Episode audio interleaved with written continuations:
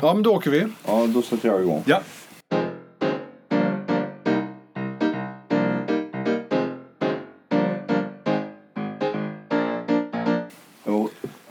För det, det som är intressant är ju det att, att när man för ett halvår sedan nästan skrek efter går det inte att göra någonting åt såväl tonfall i debatten som hela fake news och bot eh, och desinformationsflödet flödet så att säga.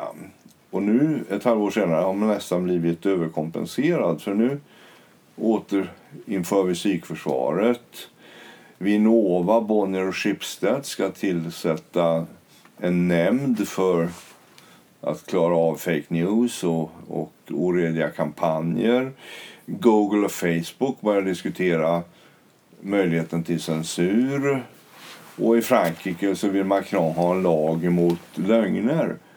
Det är ju nästan som man blir radikal av dessa förslag som, som naturligtvis är väldigt goda till sin intention men som riskerar att bli ett hot faktiskt mot, mot yttrandefriheten och att vi blir offer för någon form av små stegens tyranni på sannings området så att säga.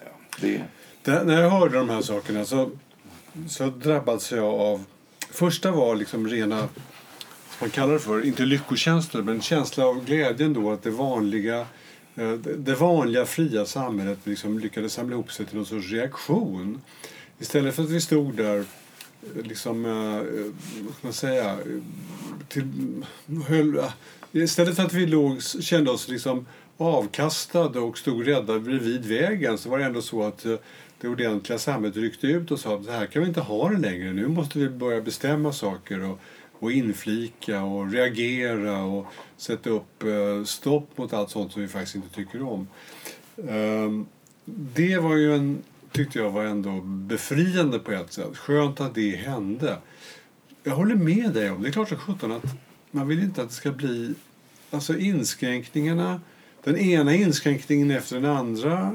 Mm, alltså den, den ena inskränkningen kan man tåla, men sen när man upptäcker att det blivit tio stycken så, så har de naturligtvis blivit för många på något sätt.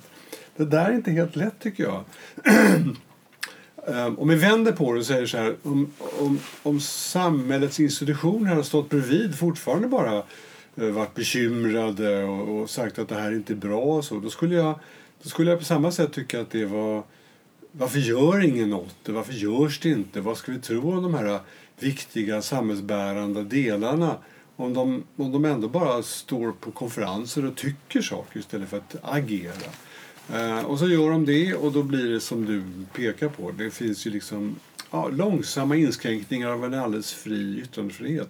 Ingen lätt, eh, ingen lätt balansgång alltså. Nej, det är så svårt att reglera. Alltså, hittar man bra styrdokument för sånt här, bra ramförutsättningar eh, och, och någon form av, av eh, styrelser som, som kan hantera de här organisationerna eller de här processerna så, så är det ju bra. Problemet är ju bara det att erfarenheten säger det att så fort ett sånt här djur skapas så blir det också en inre dynamik där. Man får inte glömma det att Sveriges Radio och Sveriges Television har ju oväld och, och eh, opartiskhet som en del av sin eh, grundinstruktion. Men ändå är det ju så att en stor del av befolkningen är extremt misstänksam mot underliggande politiska agendor som naturligtvis inte är några underliggande politiska agendor utan det är enskilda journalister som har olika åsikter och som eh, låter dem ibland färga det de säger. Men, men, och det, gör, det visar hur svårt det här är. För att Styrelsen på Sveriges Radio får inte uttala sig i programfrågor. Mm. Och, och en, en ett styrelse för Vinnova Bonnier Schibsteds eh, sanningskommission. Ja, på vilket sätt får de lägga synpunkter på annat än grundinstruktionen? Får de verkligen ha synpunkter på det pågående arbetet eller är det ett fritt journalistiskt arbete mm. eller ett fritt polisarbete beroende på hur, hur det ska säga, riktas. Det är, att, alltså censurverksamhet, inom citationstecken, är ju en extremt grannlaga uppgift om man inte är censor hos hos Gorbatjov eller Pinochet, för då är det ju enkelt. För då är det bara en lista på vad som är förbjudet och så ja. färdigt med det. Men här har vi ju en liberal mm. yttrandefrihetsutgångspunkt. Mm. Jag kan inte låta bli att tycka, det där är ju svårt va. Sen kan inte jag låta bli att tänka på när, när man hamnar i de här problemställningarna. Vad är det som gör att det fungerade ganska bra hittills? Alltså finns det ett underliggande Finns det en underliggande moral som hela västvärlden följer? Eller är den, har den moralen upprättats tack vare tryckfrihetslagar? Jag förstår inte riktigt vad som är vad. Det jag menar är så här. Hur kommer det sig att, att diskussionen och debatten ändå tycker vi har varit någorlunda rimlig ton och tonfall? Eller, eller ser vi fel? Var den inte det? Utan det bara var det var bara om tio år innan internet kom som de var någorlunda vettiga. Så märkte vi plötsligt skillnaden när man kunde skicka anonyma, anonyma saker över webben. Jag är, inte, jag är inte klar över det här riktigt. Alltså, hur det ihop? Ja, jag tror vi kommer tillbaka till en av våra första poddar som handlar om yttrandefriheten. Och det är det att det ansvariga utgivarskapet var naturligtvis väldigt viktig i, i det här sammanhanget. Mm. Alltså alla gammelmedia, för att uttrycka så, mm. har ju en ansvarig utgivare. Och den ansvariga utgivaren är personligt ansvarig för det som publiceras i hans publikation. Mm. Eller hennes. Och, och det har naturligtvis en, en extremt bra självhygienisk eh, roll.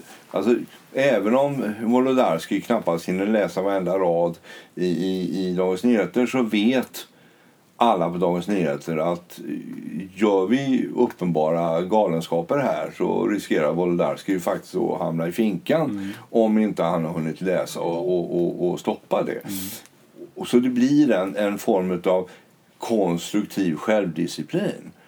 Och vi pratade ju då om finns det en möjlighet att utvidga ett ansvarigt utgivarskap även till sociala medier. Kan en var hållas ansvarig för det han säger inom någon form av publicistisk regelbok?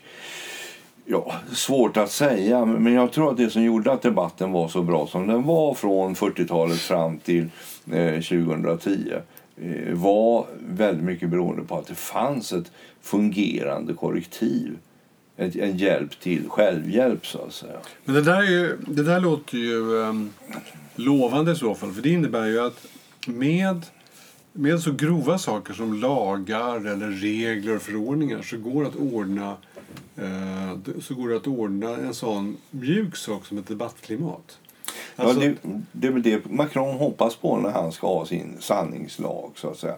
Problemet är ju att det är väldigt lätt övergår i någon form av drakonisk ja, lag. Ja, ja. Och speciellt i Frankrike som är väldigt duktiga på, mm. på byråkrati så, så kan det ju faktiskt gå fel. Mm. Jo, det är klart. Uh, men det är, ändå, det är ändå ett visst hopp tycker jag att man genom de, de, de, alltså det handlar inte om allt för djupa saker därför lagar lagar kort sagt, går att anordna. Det, då är det mer formellt. Man ska se till att man har majoritet i riksdagen och saker. Det går att instifta. Man ska utbilda poliser och åklagare i vad det handlar om. Men det går ändå att göra på något vänster. Att vända en samhällsmoral moraliskt är oerhört mycket krångligare och svårare. Ja, Frågan om det ens går på något sätt. Ja, det vore rätt kul. Alltså det tankeexperimentet är ju rätt intressant. Att vi har accepterat att yttrandefriheten finns och fungerar i en samhälle mm. där en ansvarig utgivare är ansvarig för sin publikation. Ja. Ska vi då säga då, då utvidgar vi ansvarig utgivarskapet och säger att en var som uttalar sig i den offentliga debatten oavsett plattform och media är ansvarig för det han säger på samma sätt som en ansvarig utgivare. Alltså de pressetiska reglerna gäller alla oss som vill chattra på media. Mm. Det vore väl rätt intressant att se vad lagrådet skulle mm. säga om en sån uh, approach. Om de bara skulle säga är ni galna eller låt oss se om det går att formulera. Då är frågan, egentligen är det så här, en tidning, eh, nej, så här, tryckfriheten hindrar ju inte en tidning från att ljuga. Det är ju egentligen rätt tillåtet. Mm. Eh, Det gör att fake news kanske inte skulle stoppas den vägen. Utan frågan är om det, om det skulle... Alltså om ansvariga utgivarskapet gällde oss alla så skulle vi fortfarande ha tillåtelse att ljuga.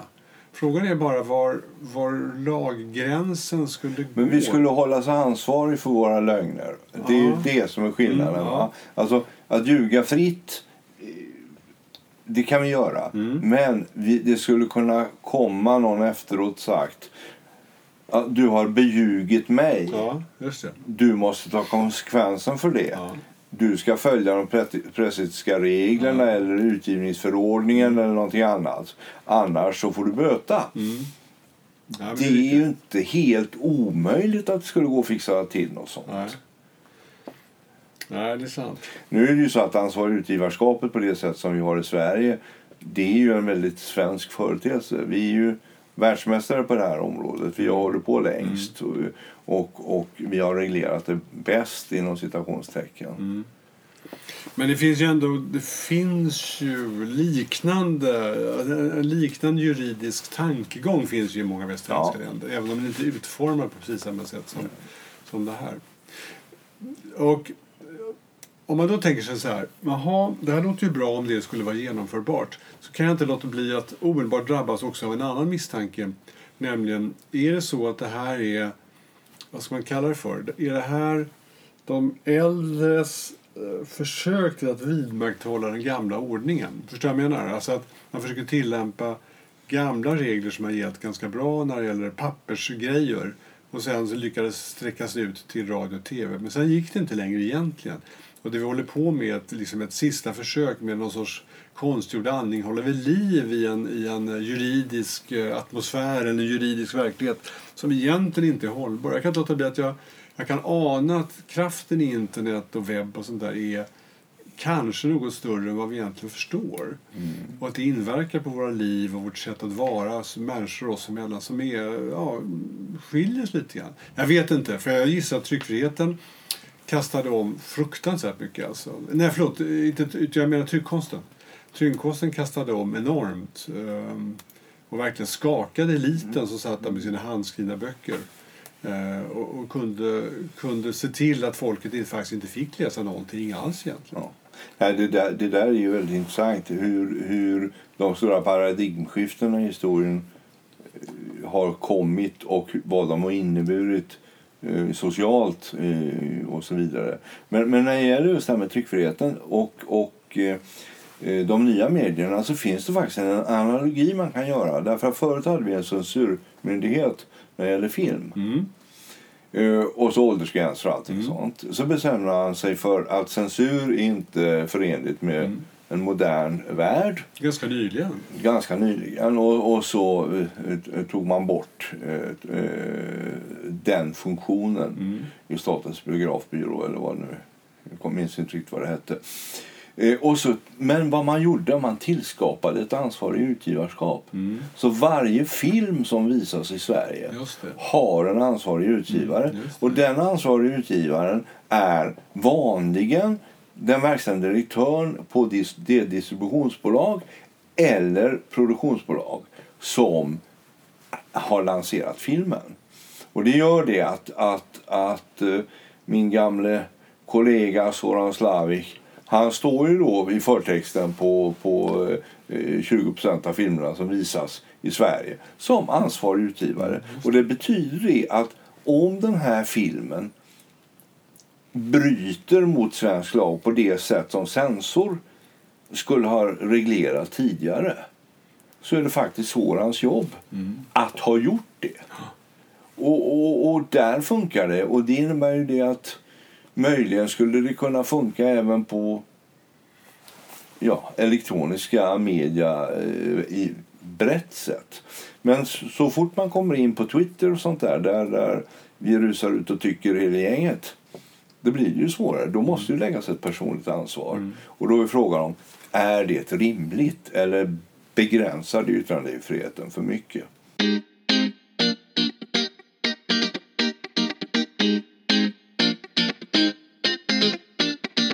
Jag är ju beredd att säga, det är klart för att man måste vara ansvarig för det man uttrycker.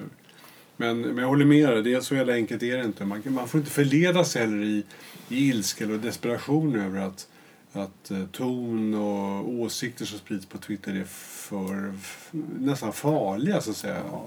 Och botarna i Sankt Petersburg kommer ju inte, Nej. och trollen kommer ju inte åt på det här Nej. sättet.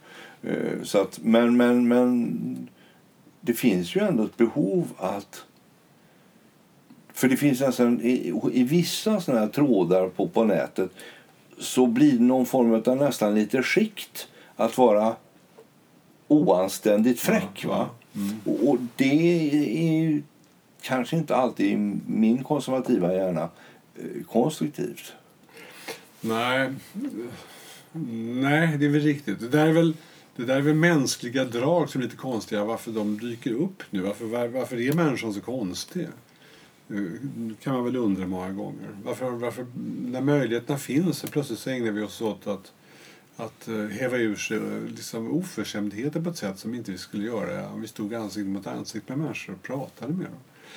Eller också är det så att det håller på att ändras så att man gjorde man förr i världen. Nu är vi tillbaka till den tiden. Att man var mycket mer hårdare i tonen mot varandra än vad vi, eh, vad vi är numera. Eller något sånt där. Jag vet inte riktigt. Och att människans natur inte alls speglar det vårt vårt allmänna sätt att liksom träffas eller vara på jobbet eller vara i tunnelbanan med varandra.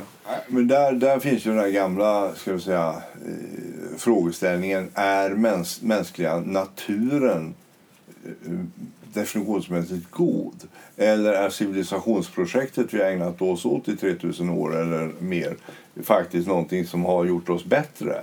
Eh, det, det kan man ju tvista om, men jag inbillar mig att även om det fanns överdrifter i, i civilisationens eh, regelbok på 1800-talets slut och 1900-talets början så någon form av balans som det fanns på 70-talet eller 60-talet var ju ganska behaglig. Ja, det är klart att ja, behaglig var det. Men frågan är om den var naturlig. Egentligen spelar inte så jävla stor roll. Därför att jag gissar att det är så med människan. Att att uh, den här urmänniskan den ger oss inga svar. Alltså en liten, liten utsatt flock som bodde i en kall grotta och som hela tiden var tvungna att vakta ingången för, för björnar och lejon och vargar. Och som, som, och som träffade andra flockar då och då om man hade lite tur så att säga. Va? Så man kunde liksom leva vidare på något sätt som flock eller ny flock. De levde naturligtvis under helt andra förhållanden socialt och språkmässigt och och, och diplomatiskt och sådär jämfört med vad vi lever i. Så frågan är om, de, om människans natur överhuvudtaget går att, går att använda som måttstock. Eh, det enda man kan säga om människans natur är att den är så extremt differentierad och kan ta så många olika ansikten. Det är det som är människans överlevnad.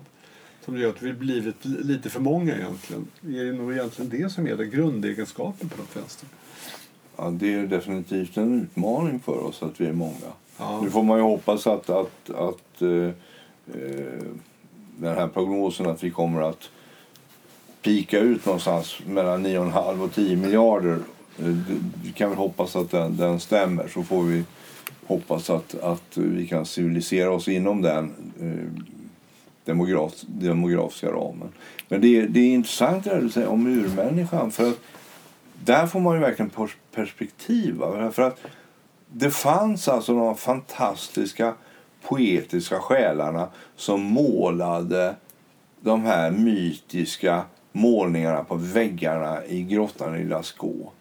Samtidigt som det fanns naturligtvis iskalla maktspelare som ville utvidga flockens ska vi säga, kontrollområde så att ingen annan eh, gick och sköt eh, fel gjort. Och och krigar. Och, och, och, alltså det är otroligt spännvidd i, i den mänskliga, eh, även i den lilla gruppen, i den lilla grottan för, för eh, tusentals år sedan så fanns den här spännvidden mellan poesi och konst och eh, krigskonst så att säga. Men det är en bra betraktelse. Då kan man säga så här, människans natur, ja, vad hittar vi den? De var väl förr i världen ungefär som vi är idag. Ja, precis. Va? Och förmodligen så var det här framväxten av lagarna eh, någonstans eh, runt 7, 8, 900-talet eh, en ganska naturligt, eh, som vi sa i någon annan eh, podd, att man samlades på en kulle när må, eh, månen stod i ny eller nedan och så hade man en gubbe som hade bra minne som man sa du får komma ihåg vad vi bestämmer här. Och till slut så tyckte gubben att det var för mycket att komma ihåg så han började skriva ner det. Och så blev det västgötalagen. Liksom. Och innan dess så höll han alltid uppe på rim för att inte komma ihåg. Ja, precis. Jag föreslår att det slutar.